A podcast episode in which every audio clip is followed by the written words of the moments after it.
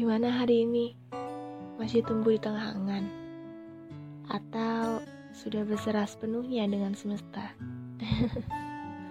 Kalau aku sendiri, aku lagi nikmati angan aku.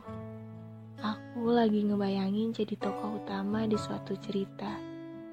Selalu dianggap penting, diistimewakan, dinomor satukan. Duh, pokoknya gitu deh.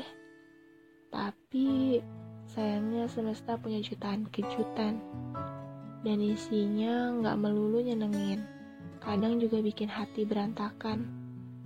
Persis kayak sekarang. Buat kamu yang mungkin pernah hadir dengan tulus di kehidupan seseorang, tapi ternyata cuma dianggap figuran, jangan sedih ya.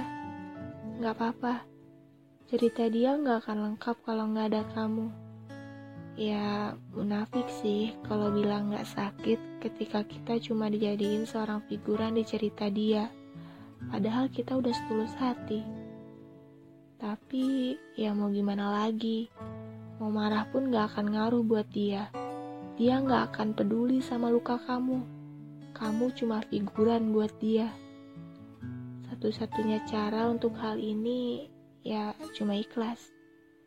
Memang gak ada jaminan, tapi aku rasa gak ada salahnya kok untuk kita coba.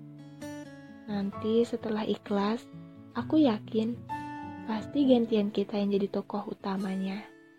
Ya, walaupun bukan dalam cerita dia.